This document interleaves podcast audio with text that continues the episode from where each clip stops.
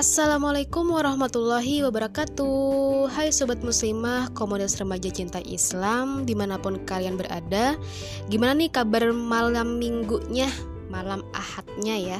Semoga malam ini yang lebih memilih menyimak kajian Islam dan mau dapat ilmunya dengan sungguh-sungguh pasti pahalanya insya Allah berlipat ganda ya. Amin ya robbal alamin.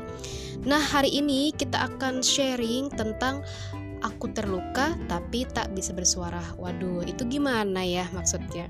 Nah, jadi sebelumnya nih, uh, aku mau nanya dulu nih, kalian pernah nggak sih aware yang terus berniat ngebantu teman kalian, uh, yang di mana teman kalian itu lagi kesusahan gitu?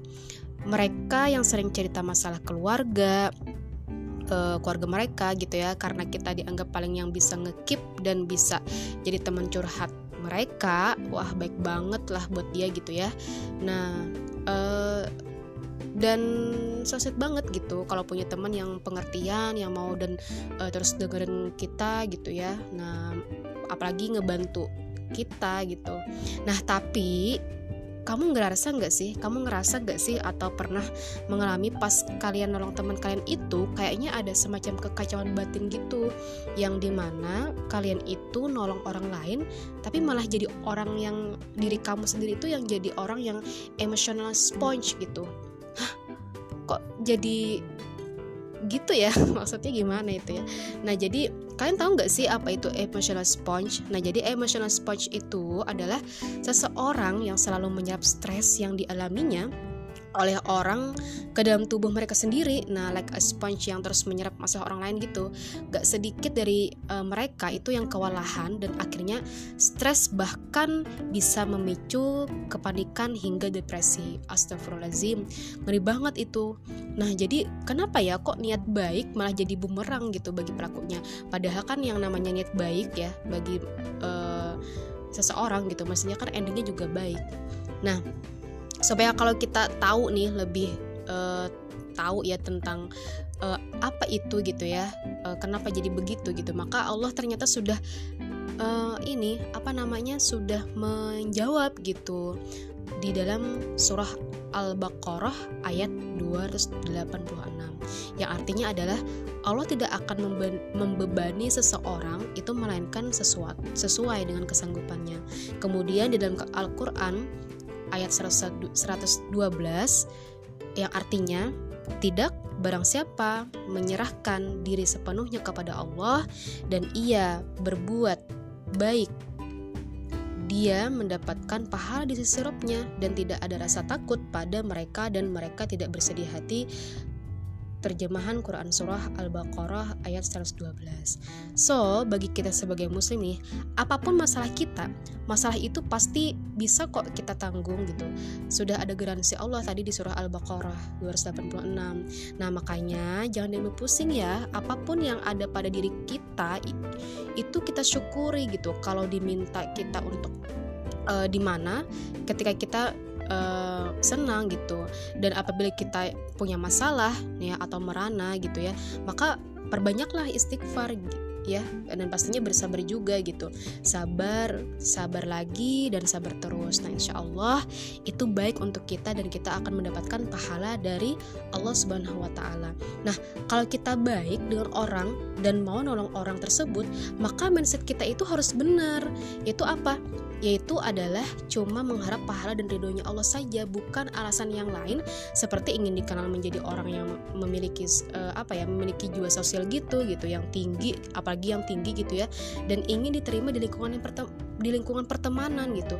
Pastinya menyelesaikan masalah itu juga harus sesuai dengan syariat Islam. Nah, syariat Islam itu nggak hanya menyelesaikan masalah sholat, puasa, zakat, haji ya, tapi Islam itu diturun, diturunkan untuk apa?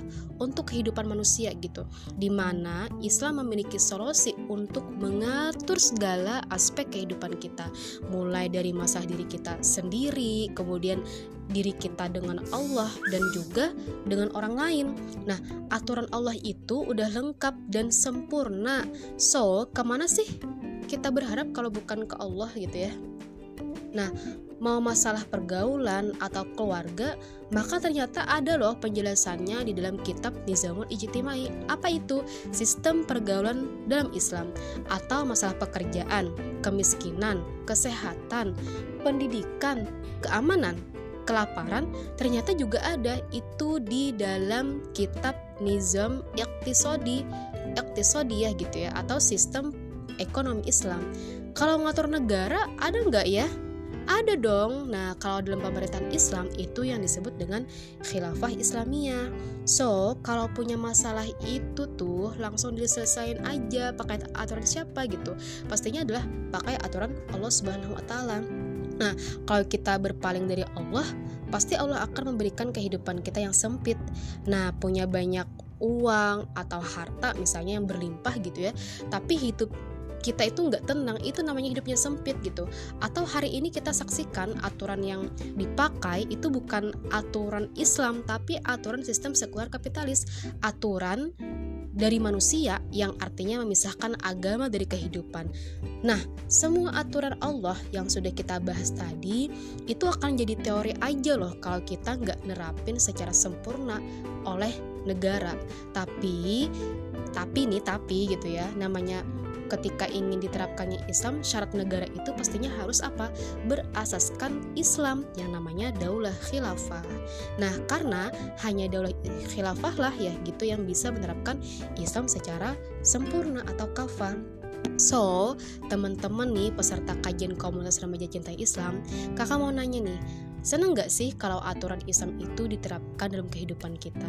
Nah, kalau kita senang, yuk kita menjadikan diri kita itu bagian perjuangan, bagian orang yang menjadi pejuang dan berada di barisan depan untuk membela agamanya Allah dan pastinya tidak berhenti untuk terus menambah sekofah Islam bersama komunitas remaja cinta Islam. Allahu Akbar.